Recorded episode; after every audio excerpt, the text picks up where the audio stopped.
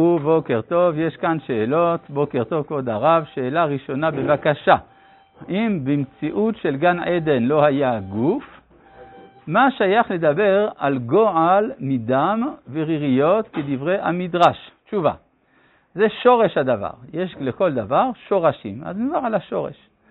ושאלה שנייה, אם האדם שהוא זכר ונקבה שפט את המציאות לאחר הנסירה, יוצא שבשפיטה של פעם הקודמת, החלק הנקבי שבאדם נגעל מעצמו והפליג את עצמו, אפשר להגיד. שואל שתיים, שלום, בשיעור אתמול נשאלת אם האדם לא יתעורר, איך נפגש עם המציאות? וענית, הכל בחלום. מה הכוונה? כל העולם זה חלום של אדם הראשון, כמו בסרט מטריקס? תודה. אפשר גם לומר את זה. כלומר, אין כזה נפקא מינה, האם המציאות שלנו היא מציאות חלומית או מציאות אובייקטיבית. מה זה משנה? בכל מקרה, זה העולם שבו אנחנו חיים. ובכן, אנחנו ממשיכים בספר בראשית, רבותיי, עדיין בפרק ב', ואנחנו בפסוק כ"ד. כן.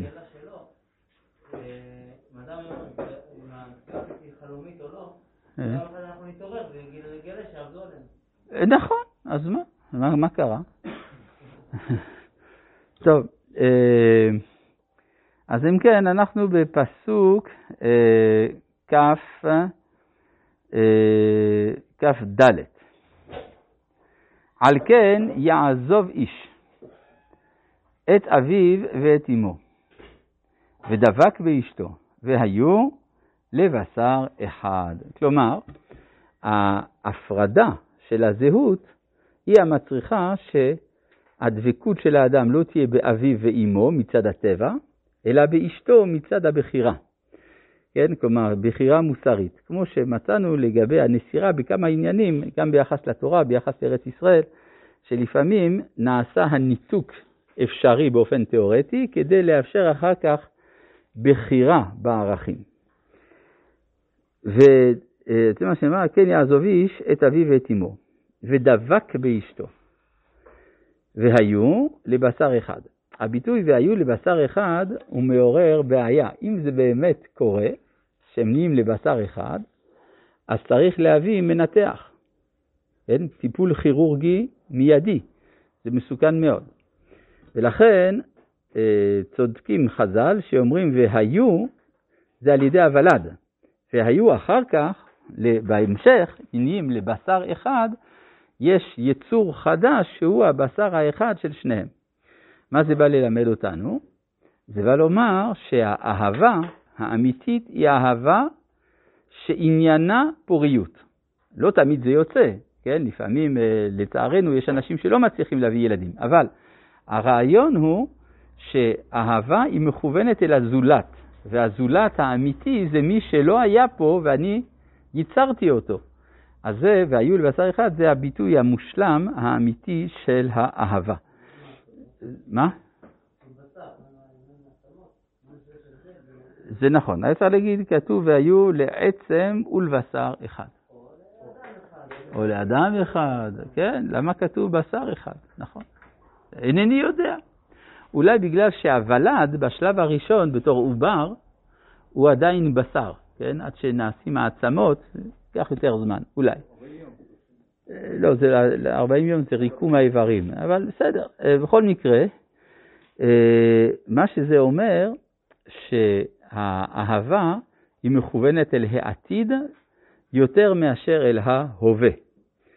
וזה עונה על הרבה שאלות שיש בימינו ביחס למהות האהבה, האם האהבה באה לספק צורך הובי, או שהיא באה לשם ייעוד עתידי. ואז זה נפקא מינה גדולה לגבי הערך של אהבה שהיא במהותה לא פוריה. אה, פסוק כ"ה ויהיו שניהם ערומים. זאת אומרת שלא היה להם גוף. כי אם היה להם גוף הם לא היו ערומים, היה להם גוף. הגוף הרי הוא לבוש של הנשמה. אז אם והיו שניהם ערומים, הכוונה שאין להם גוף. ולא עוד, ולא האדם ואשתו ולא יתבוששו. לא יתבוששו, אם נבין זה מלשון בושה, הכוונה שאין חטא. כיוון שאין חטא, אין לי מה להסתיר. יוצא לפי זה שהבושה היא תולדה של החטא, או של אפשרות החטא. לכן היה המניטו אומר שהבושה זה שורש הרע, שבארמית בישה רע. אז לא יתבוששו, הם לא היו נתונים בעולם של חדירת הרע בתוכם, ולכן לא יתבוששו. אבל האמת היא שבעברית מקראית היה צריך להגיד ולא יבושו. כן, להתבייש בתנ"ך זה לבוש. להתבושש זה משהו אחר. וירא העם כי בושש משה, אז כאן בושש מתעכב, ולא יתבוששו, לא נשארו זמן רב במצב הזה. כלומר, המצב הזה הוא מצב שמהר מאוד היה שביר. כן? אז או שהיו עולים לעדן, או שיורדים לעולם הזה. לא יתבוששו, לא נשארו הרבה זמן במצב הזה. עד כאן ברור. לא יודע מה הם היו צריכים לחכות, לא כתוב מה הם עשו, אבל כתוב שהדבר הזה לא התמיד זמן רב, לא התבוששו. למה? בגלל שזה מצב לא יציב.